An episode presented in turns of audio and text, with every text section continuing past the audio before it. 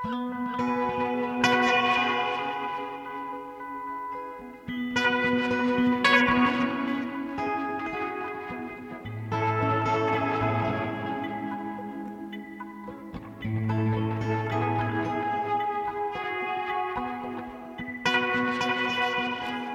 og sæl, kæru lustendur.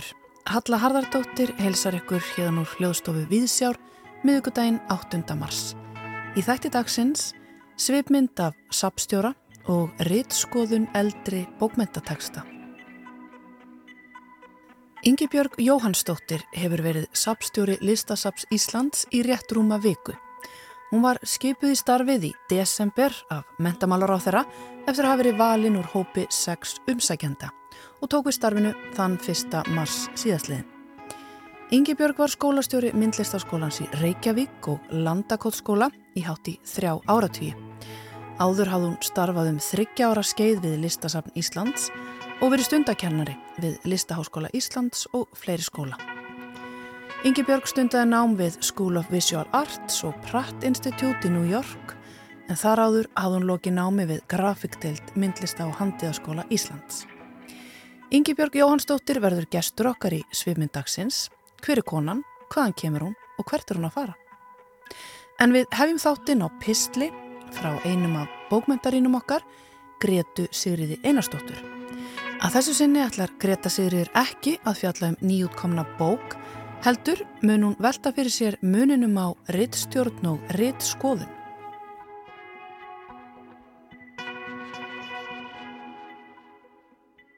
Nýlega bárust af því frettir að barnabækur Róald Dahl sem lést árið 1990 væri væntanlegar í endurútgáfu frá Puffin forlæginu. Þó fyldis á böggull skamrifi að forlægið með samþekki handhafa höfundaréttarins hefði snirt þær aðeins til, tekið út hverstagslega útlits og kynjafordóma og gert málfarið í það heila aðeins umburðarlindara. Einnig hefði gildismatið verið fært nær nútímanum. Í stað húrrarópa frá ánæðum foreldrum vakti uppáttækið aðtegli, forundran og formælingar. Þótti mörgum framganga forlagsins gegn höfundarverki Dals óforsvaranlegt ingripp í æfistarf höfundar sem ekki gæt lengur borið hönd fyrir höfuð sér. Salman Rösti og Philip Pullman auk forsætisráð þeirra Breitlands lögðu orði í belg. Þau kölluðu inngripið rittskoðunartilburði og sögðu leifi til slíkra breytinga hættuleg. Íslenskir menningarvitar hafa að samaskapi ekki látið sitt eftir liggja og kalla nýju útgáfuna rittskoðun, sögufölsun og afneitun raunveruleikans sem endi í bóka brennum. Árið 2019 hundrað árum eftir að Haldur Kiljan Lagsnes gaf út sína fyrstu skáldsögu, var barn náttúrunar endur útgefið í Kilju. Með 17 ára skáldið í huga gaf forlægið við þetta tækifæri einni út nokkrar af vinsælustu skáldsögum Nobelskáldsins og útgáfan var stíluð inn á mentaskóla nefnendur.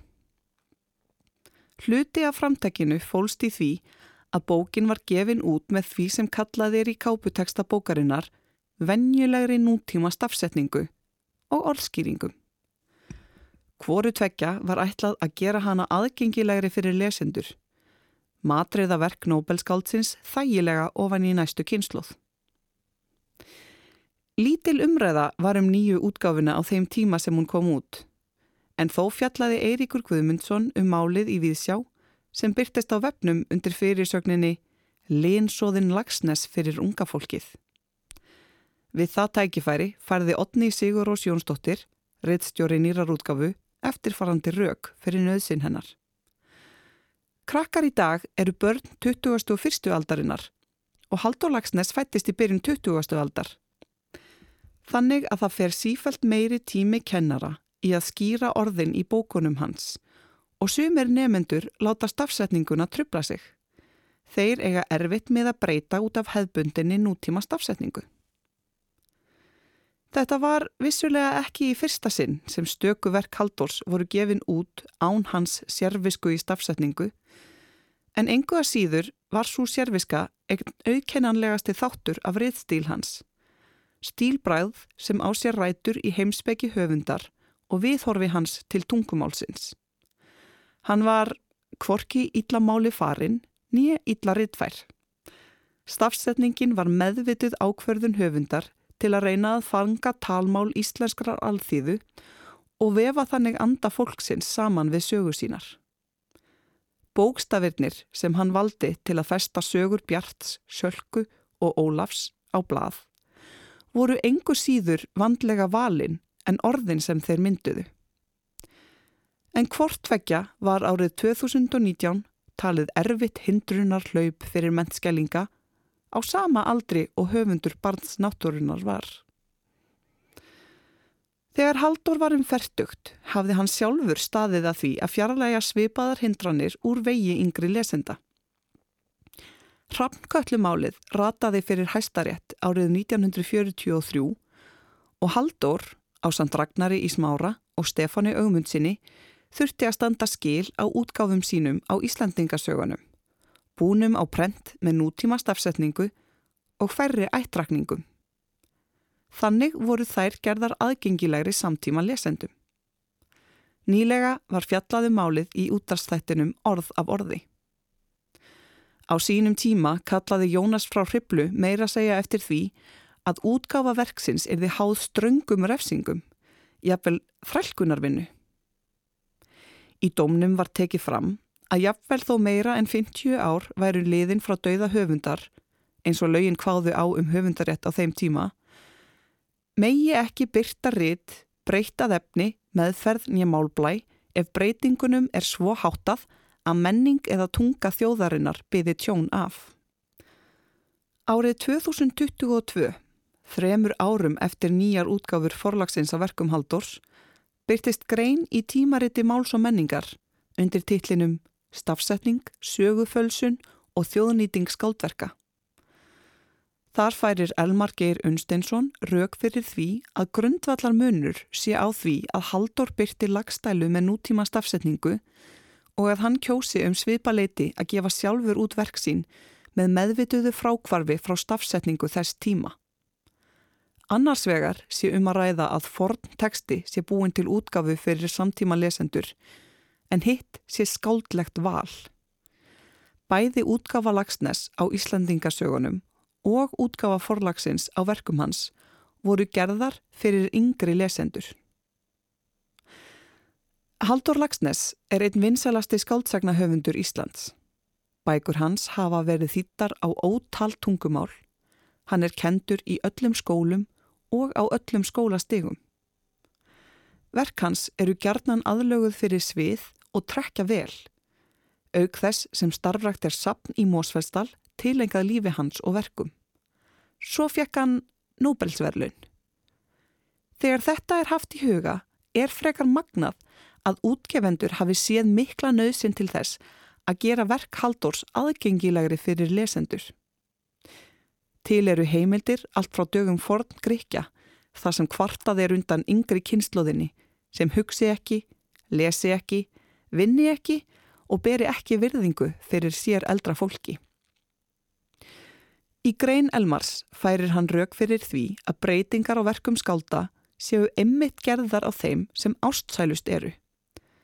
Fólki lítur svo á að þau séu ekki lengur bara venjulegt höfundarverk, heldur þjóðaregn hluti af menningararfinum. Þá verður þeim mun mikilvægara að sjá til þess að unglingarnir kynnist lagsnes, svo mjög að við erum tilbúin að afbaka höfundarverk hans, afmá stílbröð og færa hann linsóðinn á borð fyrir unga kynnslóð, áður en þau fá færi á að fúlsa við honum í fullum styrk. Umræða hér á landi um breytingar á verkum Róald Dahl er öllu kraftmeri en umræðan um döðhreinsaða útgafu á verkum Haldors fyrir unga lesendur. Þá fór engin stormasum þjóðfélagsumræða af stað og engir kvítærðir menn með skoðanir þeistu fram á reytvöllin. Í dag þegar mörgum finnst samfélagsbreytingar hafa gengið of langt og að það megi ekkert lengur. Vilja sumir velta því fyrir sér hvort breyta megi orðalægi til að framlengja bókmyndalegt mikilvægi kalla og sælgættiskerðarinnar. Hart er tekist á um hvort verið sé að hlýfa ungum lesendum um of og skíla þeim frá raunveruleikanum.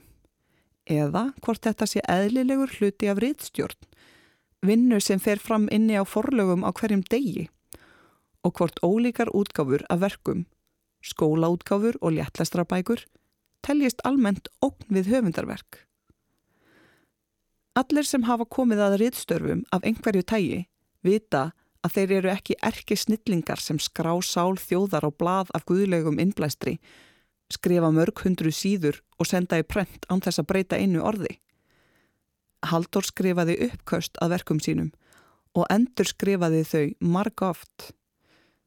Auður, eiginkona Haldurs, sló gerplu í heilsinni sexinum inn á rítvél áður en hún náði á prent. Jafnvel eftir útgafu verka sinna hætti hann ekki að endurskrifa. Í bókasafni hans á gljúfrasteini má finna þó nokkrar bækur með yfirstrykuðum línum og viðbótum kröfsuðum á síðurnar. Síðari tíma breytingar þar sem honum fannst að betur hefði mótt gera. Sér í lagi gerði hann þetta þegar hann las upp verk sín fyrir ríkisútarpið. Orðið er frjálst, ekki heilagt en það er munur á því hverju reythöfundar og forlög breyta í samvinnu og hvað er gert í þeirra nafni eftir þeirra dag. Flestir bókmentalegir áhrifavaldar sem spurðir hafa verið um álit á Róaldal-málinu nefna þá tillögu að það þurfi ekkit endilega að uppfæra dal fyrir nýja tíma. Kanski megi hann bara reikfalla á spjöldum sögunar og láta plássitt í bókmyndaheiminum eftir fyrir nýja höfunda sem skrifa fyrir börn nútímans. Réttur höfundarins til að verk hans verði varveitt eins og hann skildi við þau felur einning í sér rétt hans til að gleymast. Ekki bara af leitarvélum á netinu, heldur til að geta tekið verk sín með sér í gröfina. Sirkjendur eru hins vegar ekki tilbúinir að sleppa höndinni af verkinu, vilja stoppa líkið upp og leifa því að standa inn í bókastofum sínum. Fyrir börnin. Ef við leifum þetta, hvar endar þetta? Það fer eftir því hvaða þetta áttir við. Er þetta að gera breytingar á texta höfundar eftir að bókin hefur verið prentuð, eftir að höfundur er látin? Eða er þetta það sem formaður málfrælsis, samtaka um frjálsa og opna umræðu, kallar afneitun raunveruleikans, útvötnun og eigðeleggingu texta. Að ljúa því að börnum að heimurinn sé umburðarlindari en hann er í raun og veru. Að voga sér að halda því fram að Mattildur hans Róaldals sé við lesin eftir að hafa lesið Osten og Steinbeck, þó hverkis í einu orði minnst á Konrad eða Kipling. Að dyrfast að halda því fram að það sé ekki skemmtilegt að kalla fólk feitt og skrimslalegt í sömu andra. Róald Dahl skrifaði æfintýralega heitlandi bækur sem hræða börn og hlýja þeim um hjartarætur enn þann dag í dag. Ógrinni kvikmynda og sviðsaðlagana eftir verkum hans sína ekki bara að þau eiga enn erindi við yngri lesendur. Þau sína líka að aðlaganir og úrvinnsla af verkum hans geta borið gríðarlegan hagnað. Enn einn kvatin til þess að matriða jóa og risaferskjuna fyrir nýja kynsluð. Í grófum dráttum mætti segja að þegar aðrir breyta texta höfundar með þeirra samþykki sé það rittstjórn. Án þeirra samþykkis er það ritt skoðun. Í höfundaréttarlögum hveður á um að réttur höfundar lifi í 70 ár eftir dauða þeirra. En fyrir aðeins örfáum árum eða áratugum voru þau bara 50 og þegar lagstæla var fest á blað var ekki um neitt höfundarétt að ræða. Hann var nefnilega fundin upp með innbyltingunni.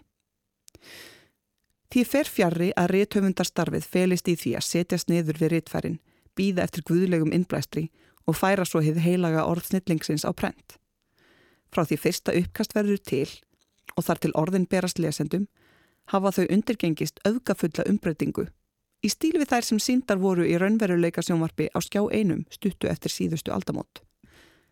Tennur eru réttar, hárlína færð, náttúruleg sveia minguð hér og aukinn þar, svo kjarnin af náttúrulegri fegurð fái skínið sem skærast. Við viljum öll bara það besta fyrir börnin. Við viljum líka að rithöfundar njóti ákveðina réttinda þegar kemur að þeirra eigin verkum og flestir eru sammála um að þau réttindi eigi að ganga út yfir gröf og dauða. En samhengi skiptir máli. Það skiptir máli að rappköllumálið fór fyrir hæstarétt árið 1943 þegar baráttan fyrir sjálfstæði landsins stóð sem hæst og var að hluta til byggð á hugmyndinni um gullöld þjóðveldisins. Engin slík umræða var í gangi 2019 þegar virkja þurfti áhuga sivjulegra framhaldsskólanema á verkum Nobelskáldsins en það fór stóra stafsetningar málið fram hjá mörgum.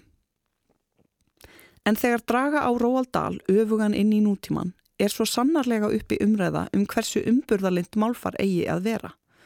Fólk hefur ekki endilega skoðun á því hvort stafsetning teljist til höfundaréttar eða hvort það sé lægi að skipta út orði eða setningum í nýri útgafu. Það hafa hins vegar allir skoðun á því hvað ungir lesendur ættu og ættu ekki að vera að lesa. Það á ekki að vera of flókið, ekki of erfitt og ekki of gamaldags. Þá er spurningin hvort við ættum yfir höfuð að vera að lesa gamaldagsverk eftir flóknar eittvönda.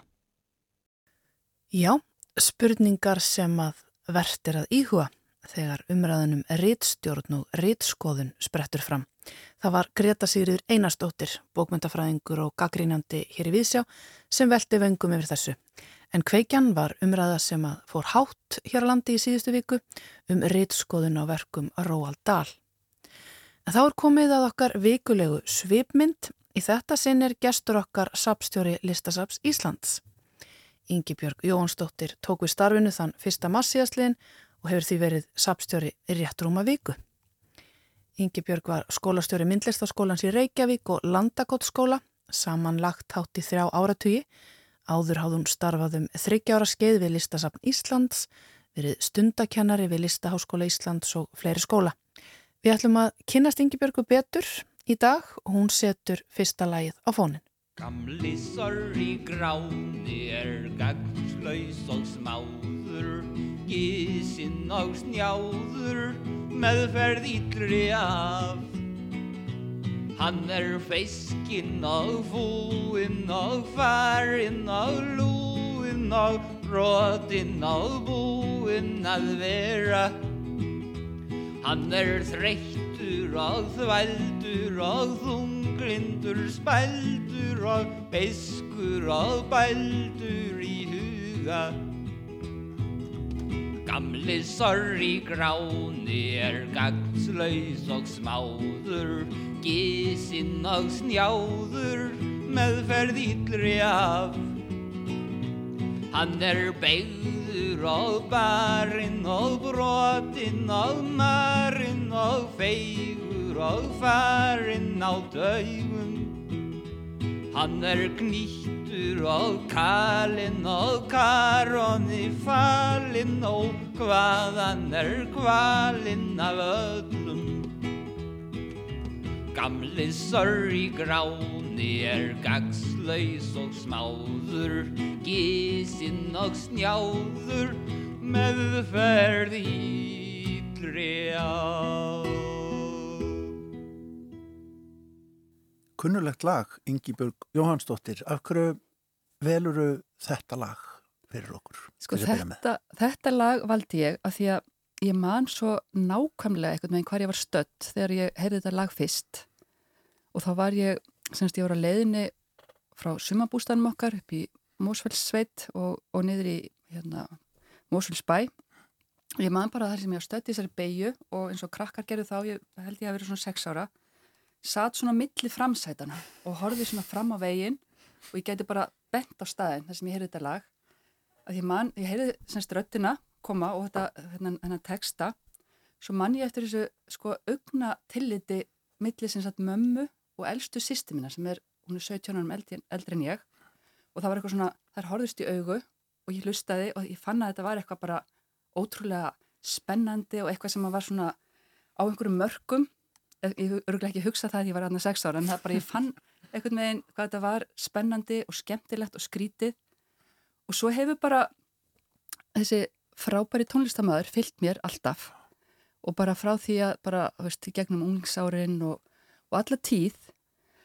Og, og svo var ég svo heppin að fyrir nokkrum árum síðan þá, sem sagt, minn bakgrunnur er, ég er hérna, mentaði myndlistamæður og ég hef svona sérhaft mig í að, að hérna, gera grafík og vann við það út í New York á tímabili, vann þar með alveg frábæru, frábæru vestæði með fullt af spennandi myndlistamönnum og svo þegar ég kom heim að þá hérna, fór ég aðeins að vinna með Magnúsi Þór, myndlistamanni Já. og hann, hann alltaf fór í gegnum myndlist á handiðaskólan og gerði alveg frábæra sjálfsmyndaserju sem að hérna, hann síndi sem sitt lokaða verkefni mm -hmm. Þar sem hann var sko, þú veist, á sömu myndunum er hann svo bara Jónas Hallgrímsson eða eitthvað bara alveg heilaga maður. Og öðrum er hann bara eins og einhver, þú veist, mjög hættilegu brjálæðingur. Mm -hmm. og gerði bara þessa flottu sériu sem að ég fekk sem sagt það hlutverk að prenta í upplægi og svo setna sína í hérna í New York sett upp stóra síning á grafíkverkum þar fyrir svona, þessi ekki ég segja sjö ár, ég veit ekki hvort það sé einhver algjörvillsa Í Scandinavian House, var það ekki? Jú, Já. og það sem við síndum verk sjálfsagt eftir svona 30 myndlistamenn. Og hann var einn af þessum myndlistamennum sem við ákvæmum að sína ég og þessi var vinkonu mín sem þá bjó í New York sem að vanna þessu með mér.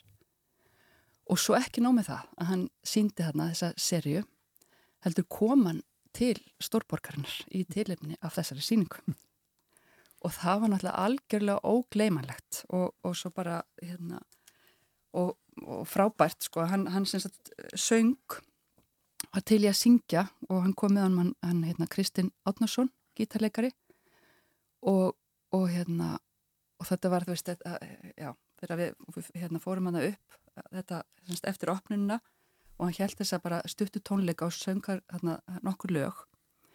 Og, og þetta ég bara, ég veist, ég fæ ennþá gæsa þegar ég hugsa um það þegar hann söng sko tvær stjörnur og fyrir þú veist, alla þess að New York búa sem vissum alltaf ekkert hver það var og mig sem að fóra að gráta og, og það var eitthvað með eins og ótrúlegt þegar hann söng þetta lag og meðan það var, semst, það var akkurat í ljósaskiptunum þannig að það var að dimma úti og, og stjörnunar í, semst, ljósinni í borginni voru að kvikna mm -hmm. og þetta var bara, já, eitt af mínum allra uppáhalds augnablikum, ég hefði líka getið beðið um það lag, en ég hugsaði að það var eitthvað með einn þarna samt í mann svo vel eftir þetta, þú veist, þegar að kviknaði bara þessi, þú veist, mér fannst ég alveg bara tengjast eitthvað með beint inn í eitthvað svakalega spennandi og áhugavert og mm -hmm. og það hefur sko ekki svikið mig hinga til lauginans megasar. Hann hefur verið hluta af þínum svona stóru mómentum. Já, algjörlega og maður bara, þú veist, mörg önnu lög bara frá því mentaskóla og, og svo bara einhvern veginn, þú veist, þegar maður er að hlusta á eitthvað sem maður, manni finnst jafnvel vera á einhverjum, þú veist, getur maður sungið um þetta bara, er það, er það í lagi? Og jú, það er verið að íta á eitthvað í samfélagin okkar og, og láta mann hugsa og, og einhvern veginn snúa hlutunum aðeins við þannig að maður, það, maður hérna, hugsaður á annan hátt um það sem hann er að fjallum og finnst hann, já, einhvern veginn ná að bæði, þú veist, syngjum eitthvað sem að bara eins og tvær stjörnur sem eru bara fallegasta lag heimi. Nota stóru orðin hér. En þú veist að bæði það og svo líka bara eitthvað sem er svona, þú veist, alltaf aggressíft og maður veit ekki alveg veist, já, hvað, hvað mann á að finnast. Og maður er svona, þú veist maður þarf að hugsa hlutin aftur og hvað er hann að hugsa og af hverju er ég að hugsa eins og veist, það sem ég hugsa. Einhvern veginn framkallar eitthvað, þú veist, kannski pínu smáborgarlegt í manni sem maður þarf svona að horfast í augu við og þá hugsa upp og nýtt. Mm -hmm. Þannig að, já, minnst hann einhvern veginn bara hann er ótrúlega flottur listamæður á svo margan hátt. Þú ert að taka við sem sapstjóri Listasaps Íslands uh, búin að vera skólastjóri undan fann ár í myndlistskólan í Reykjavík. Uh, Þarf þú að hugsa hlutinu alveg upp og nýtt núna, Ingebjörg? Sko já, ég, ég nú bara, mér finnst, sko ég er svona rétt að kynnast bara öllu, en ég vann hérna á listasafninu fyrir sko löngu síðan, þannig að, að já, ég hef einhverja, ég, einhverja tilfinningu þaðan og upplifun, en jú, ég þarf að hlusta og bara, og, og byrja því sem að mér finnst bara alltaf að gefist mér best í öllu sem ég hef gert, það er bara að hlusta, aldrei, að gefa mér tími það að hlusta bara vel á allt þetta frábæra starfsfólk sem þarna er og, og bara myndlistarheimin og skilja svona veist, hvaða möguleikar eru og hvar, hvaða svona hvað tækifæri eru, hvar, hvar er eitthvað sem eru bara, þú veist, einhver vandræði og erfileikar og allt það sem allstaðir er? Og líka bara hvar sko sapnið getur kannski, veist, hvað, hvaða möguleikar eru fyrir okkur í sapninu og þetta frábæra frábæra hérna bara þessi, öll þessi verk sem þarna eru, alltaf fjársöð, hvernig við getum stíð kannski líka svona fastar inn í veist, samfélagið, hvað er, hvað getum við gert, hvernig getum við verið í góðu samtali við samfélagið? Og mér finnst það kannski hafa svona, ég hugsaði tilbaka bæði þess sem ég var að vinna að í myndlistaskólanum og líka í landakotskóla að vera að það, svo stopnum sem maður er að vinna í sé í bara öflugu samtali við samfélagið og hvernig, hvernig getum við stíðin í það. Þannig að það finnst mér spennandi og mikilvægt samtal ég, og ég get ekkert sagt neitt gáflegt um það núna en, en ég held að það sé bara eitthvað með einn skipti miklu máli að, að já, gefa sér góðan tími að hlusta og, og melda og skilja svolítið vel hvar maður er stattur. Áður við fyrir maður að spá í framtíðina ætlum við að horfa aðeins aftur tilbaka og fá að kynast þér aðeins betur. Þú talaði hérna um að megas væri stór hluta lífinu og þetta listin, þú uh, hefur lifa á hræðst í skapandi umhverfi alla tíð, uh, listsköpun og listnámi hér heima og erlendis tekið þátt í þróun, kennslu og samtali um skapandi umhverfi fyrir nefnendur. Voru listir stór hluti af þínu uppeldi? Sko, mér, já, já, alveg svona einhverju leiti sko, en kannski ekki þannig að það var ekki verið að fara með okkur á sko síningar eða, eða eitthvað slíkt sko. Pappi þekkti kjærval, pappa og mamma og þú veist það voru mikið af kjærvalsmyndum heima og, og bara, já, svona ímsum öðrum verkum, þannig að það var alltaf verk fyrir framann mann og, og það held ég að skipti mjög miklu máli að það sem að sjá alltaf einhver verk sem að maður finnur að virka öðruvísi ámann á ólíkum tímabilum í lífinu. Þannig að það var. Svo fannst mér bara líka að það voru frábærir, sko, það voru frábærir myndlistakennarar sem að kendu mér og ég man bara mjög vel eftir þeim og bara, hérna, hvernig þeir bara, hvernig þeir voru, hvað þeir kendu, hvernig, veist, þannig að það eitthvað með einn, ég tengdi alltaf, eða svona fljótt mjög stert við það, sko. Þannig að, að mér finnst, hérna, mér finnst, sko, það, það, í gegnum það e, e, og ég fann að það átti ég einhvern veginn bara góðan stað sko og mér fannst líka bara þegar ég var lítil að þá þegar, þú veist, mér leiði ekki vel og var eitthvað ósátt og þá, þú veist, gæti ég alltaf farið inn í þennan heim og, og bara sest niður og teiknað eða, þú veist, gert eitthvað litað eða eitthvað slíkt sko. Þannig að þannig finnst mér að, að það hefði, já, gegn, gegnum bara okkar skólakerfi. Mm -hmm og svo bara þegar ég svona fór að geta gert sjálf, sko farið sjálf meira þá fór ég að fara í myndlistaskólinn Reykjavík og var hérna svona kannski orðin unglingur þegar ég byrjaði þar.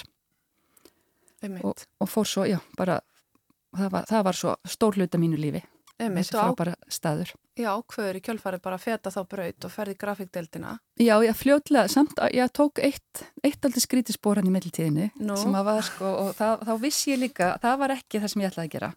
Því að ég klára, ég fór í, sagt, í, hérna, fór í mentaskólinn Reykjavík og var það á náttúrufræðibraut og mér finnst það líka alltaf að hafa verið svona þráður í mínu lífi sem hefur skipt mig miklu máli að, að veist, ég tengst náttúrunni mjög stert og bara það, mér líður best með bakbúk einhverstar langt í burtu mm.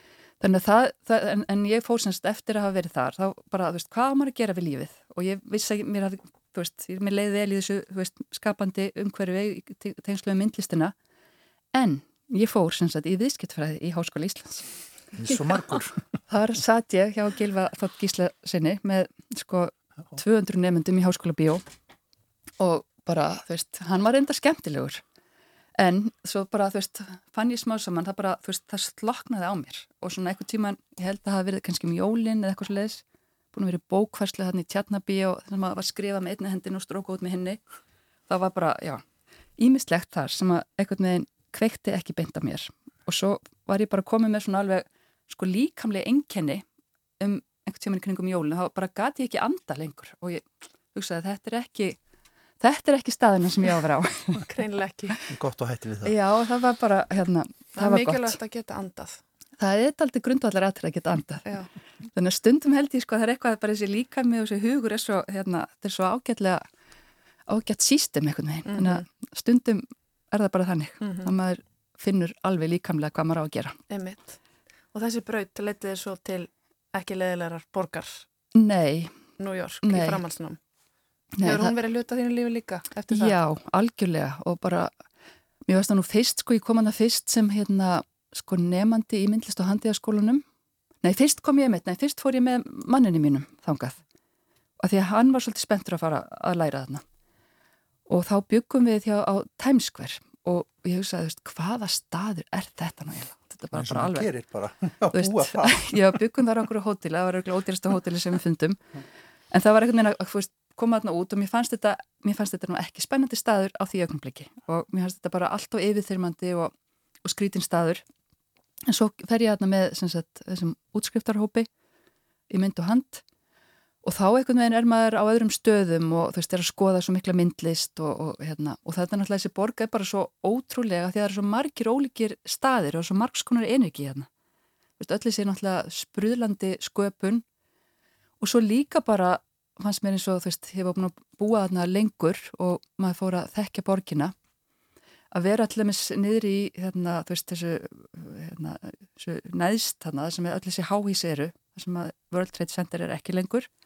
En á því svæði að vera eitthvað þá fannst mér ég líka að upplifa bara svona sterkar tengingu við náttúrun eitthvað þú veist, maður var eitthvað bara lítil písl í, þú veist einhverju stórkostlegri náttúru, þannig að mér fannst það virka á manna svo mm -hmm. margskonar hátt og ég elska New York borg alveg hérna mjög og, og, og hérna við förum alltaf þangað svona annars slægið og eigum goða vini og, mm -hmm. og þetta er alltaf stórkostlegu staði með öllum þessum, þú veist, líka bara þessum söpnum og þú veist, dettin á þetta ótrúlega sapnana metropolitansapnið þar sem að, já, þessi vinkona mín hérna, vann eða mitt og, og hún fór oft með okkur á okkur stað sem að maður hefði bara ekki hugmyndum að vera til mm. samt hefði maður verið þarna bara, þú veist mannum helst maður alltaf hafa verið þarna. En svo var bara fullt af einhverjum stöðum að, og einhverjum hlutum sem að bara manni fannst ótrúleir Ekki arvitt að sækja sér innblástur í New York en uh, talandu söpn Uh, áttuður ykkur svona fleiri uppáhaldsöfn í heiminum? Ertu manniska sem ferðast til að fara á söfn? Já, algjörlega. Algjörlega. Og, og hérna það er svona það sem að við sko, ég, ég hérna ég fer líka, þú veist, það er ímislegt sem maður gerir til þess að hérna láta sér líða vel og, og ég fer sem sagt, ég fer í, mikið í fjallgöngur og, og lappaði með síðasta sumar á Grænlandi hérna bara stórkosleiri ferð. Og þángað fer ég ekki með manninu mín, mann er ekki gaman af slíkum ferðum. En það sem okkur finnst best að gera saman það er akkurat að fara í hana og skoða myndlist. Þannig að, og ég var að hugsta, ég held ég get ekki sagt neitt sko, reyndar, jú, kannski. Þú veist, það er uppáhalds sapn allra í fjölskyldinu, því að við hefum sko tvær stelpur og er náttúrulega þurft að fara á mikið af söfnum þegar það voru litlar sem að það voru ekkert alltaf ánaði með. En svo er svo gama, núna eru þær fannar að fara sjálfar og á þetta sapn sem er svolítið uppáhald og það er Louisiana sapnið í, í hérna, Danmörku. Þannig að það er alveg frábært. já, já. og það glætti mig mjög þegar ég sá að þær voru svona unglingar og voru frænir að fara inn allir útlanda og fóruð þangað sjálfar. Þá er eitthvað gerst Það er eitthvað gangu upp Herðu þau að setja kannski næsta lag á fónin að við höldum áfram? Já, tónlistur allt annar átt.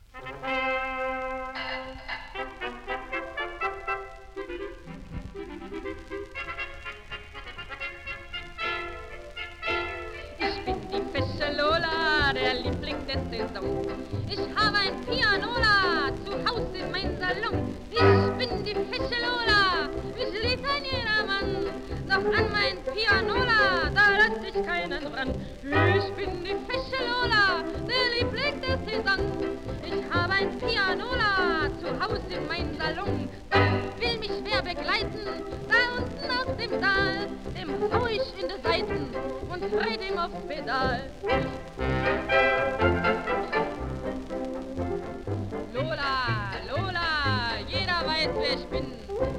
Man nur nach mir hin, schon verwirrt sich der Sinn.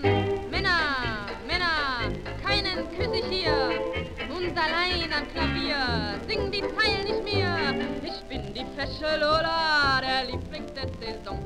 Ich habe ein Pianola zu Hause in meinem Salon. Ich bin die fesche Lola, mich liebt ein jedermann. Doch an mein Pianola, da lass ich keinen ran. Ich bin die fesche Lola, der Liebling der Saison.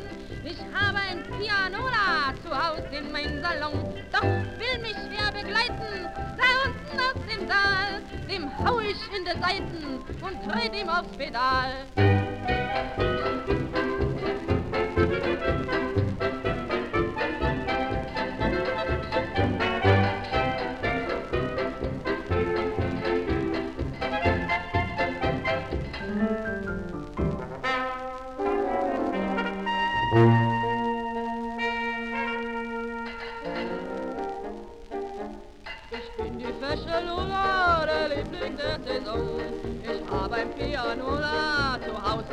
Ich bin die fesche Lola, mich liebt ein jedermann. Doch an mein Pianola, da lass ich keinen ran.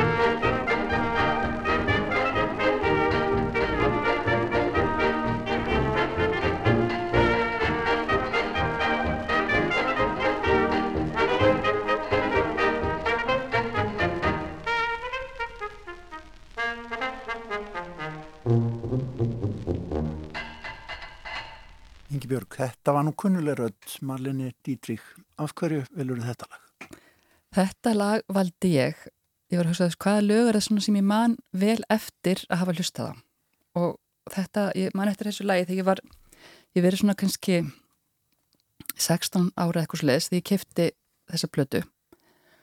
Og ég hugsaði að hafi verið, sko, ég var að, hérna, fór til Þýskalands og Austuríkis og var þar að, eins og margir að reyna að læra eitthvað tungumál og mamma var mjög aktífi að senda okkur hist og her, þessi, hérna, sískininn og, og hún sendi mig til Þýskalands sem óper og, og svo hérna til Östuríki setna og ég hef örgulega keift þetta bara til þess að svona, veist, læra tungumáli betur og svona hlusta á þetta tungumál.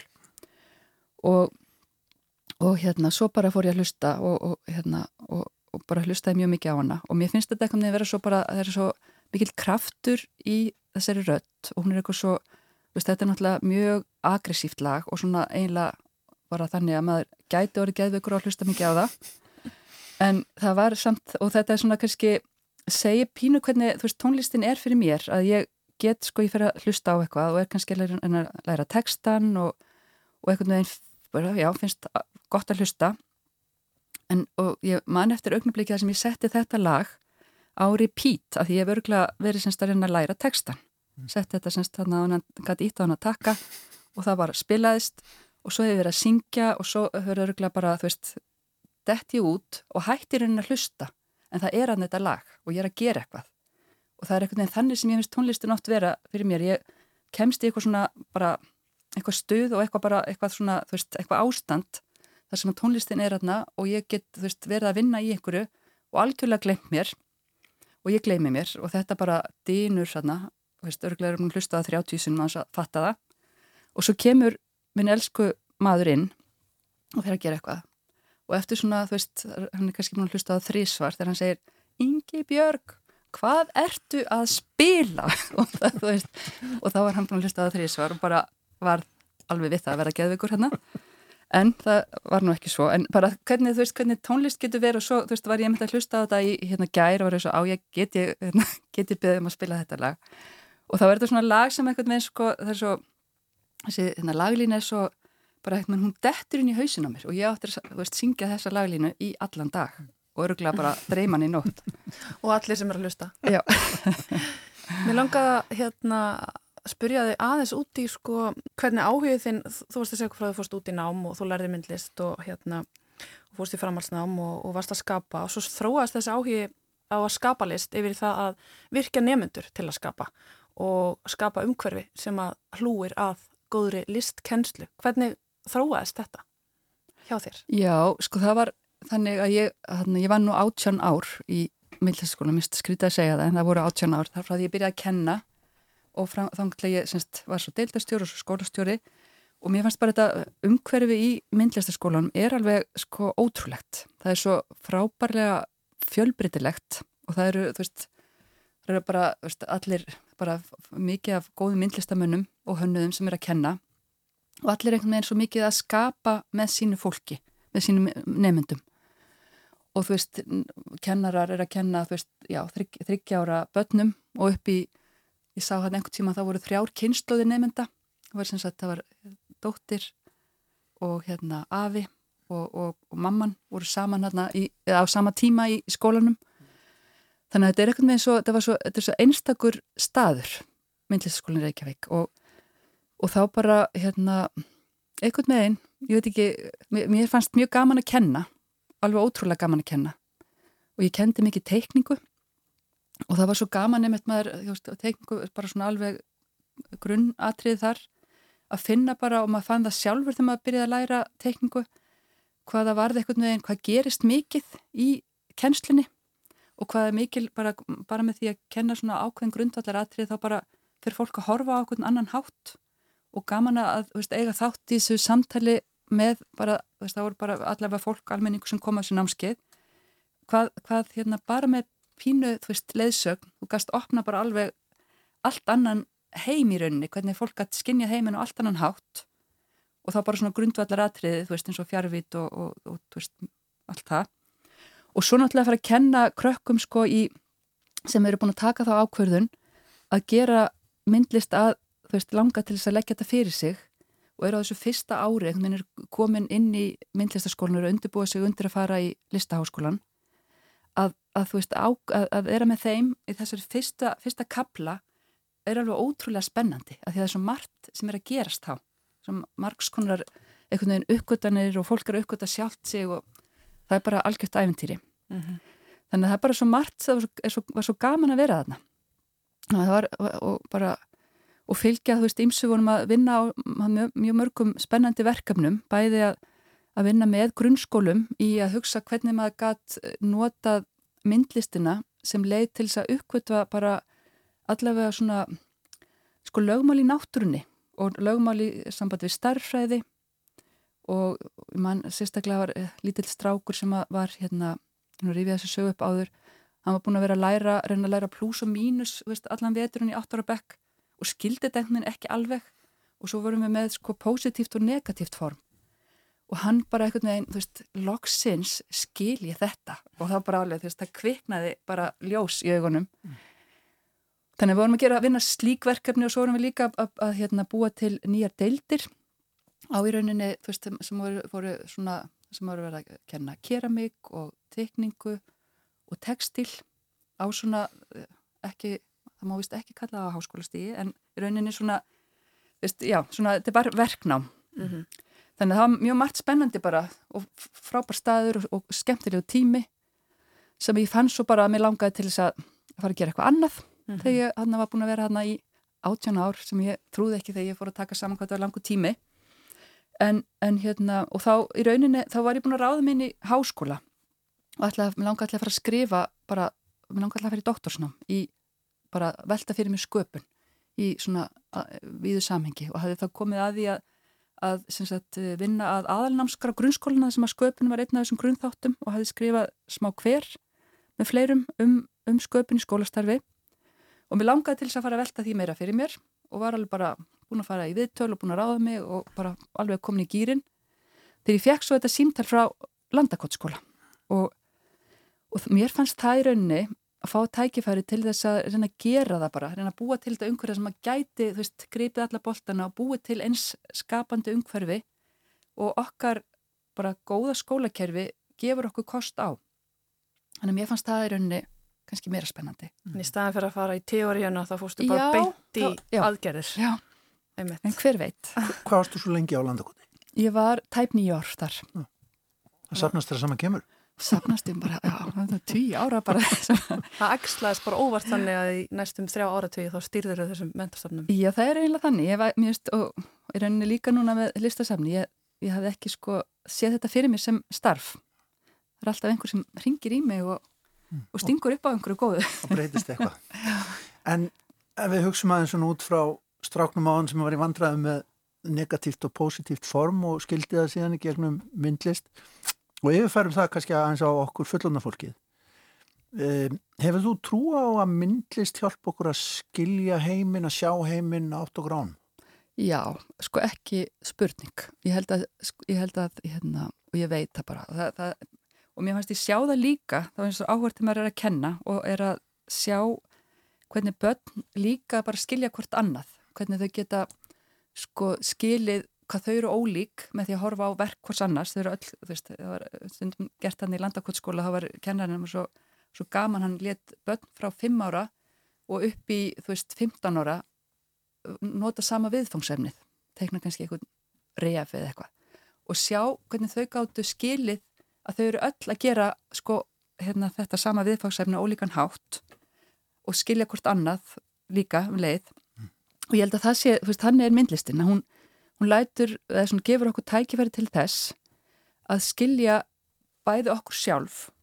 Og þess að maður finnur hvernig sumt treyfi við mann á bara eitthvað hátt sem að kemur manna óvart og og maður fyrir að hugsa einhvern veginn öðruvísi um sig og í samtímanum.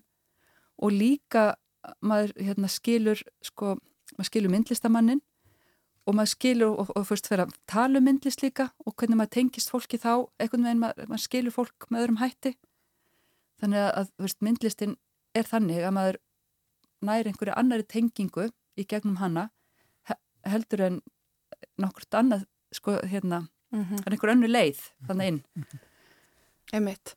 Þetta er þín bjargfasta trú sem að þú ætla núna að reyna að smita út í samfélagið með ekki tækjum kjænslunar heldur með listasafn Íslands, ekki satt? Já, en líka held ég sko, veist, það, er, það er líka í rauninni það sama finnst mér sko, það væri líka að hugsa veist, er, hvernig, mað, hvernig maður miðlar og hvernig maður getur opnað einhverja leiðir og hvernig maður getur sko fundið einhver tækifæri hjá þú veist bara fólkinu sem þarna er eða einhverju þú veist.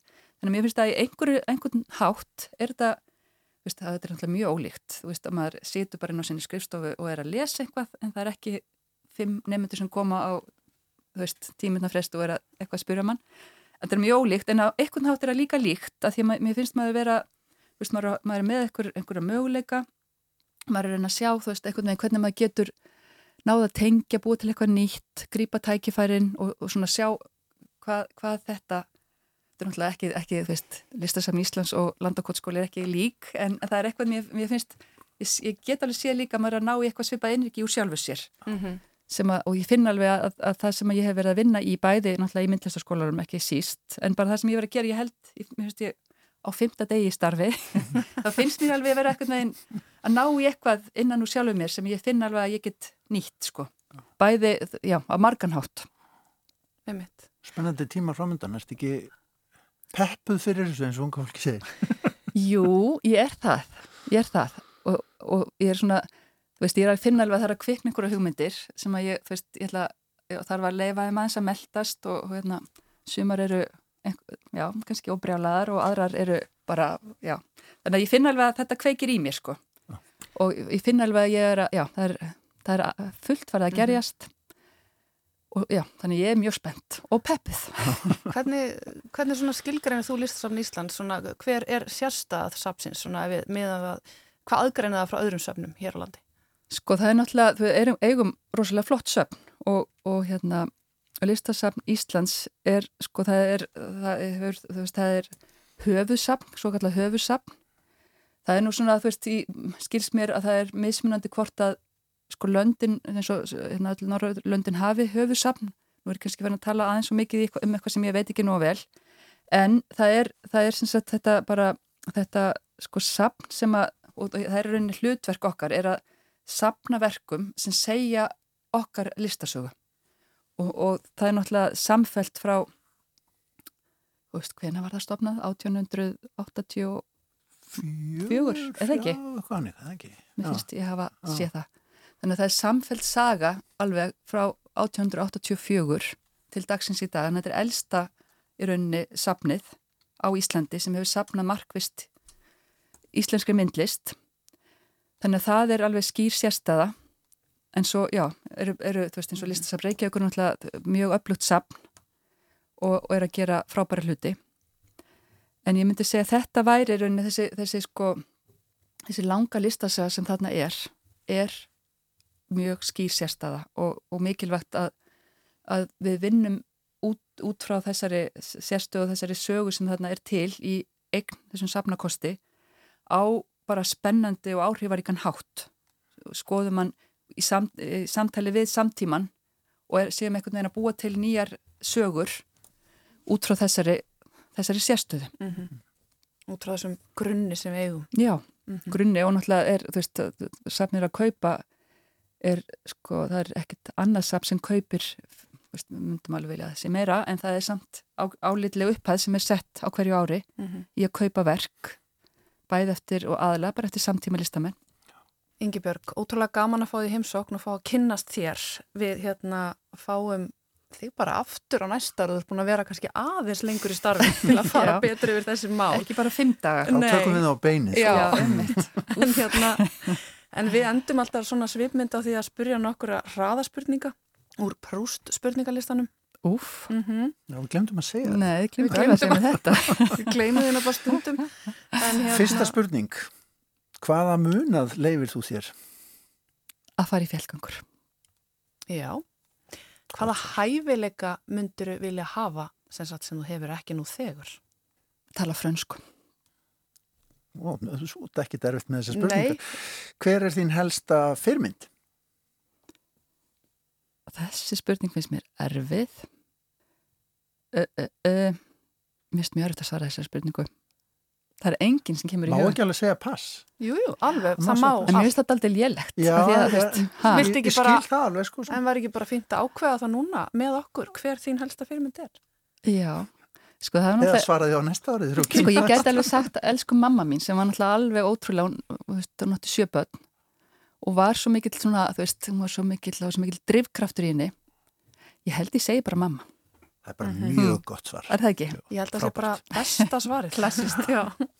Vegnaði sem allra best í listasafni Íslands, Ingi Björg Jóhannsdóttir, nýr sapstjóri, þar á bæ. Takk fyrir. Við þökkum Ingi Björgu Jóhannsdóttir fyrir samtalið og óskum henni velfarnaðar í listasafni Íslands. Og hér líkur við sjá í dag. Við verðum hér aftur á sama tíma morgun og svo auðvitað hvena sem er í spilararúf. Takk fyrir að hlusta og verið sæl.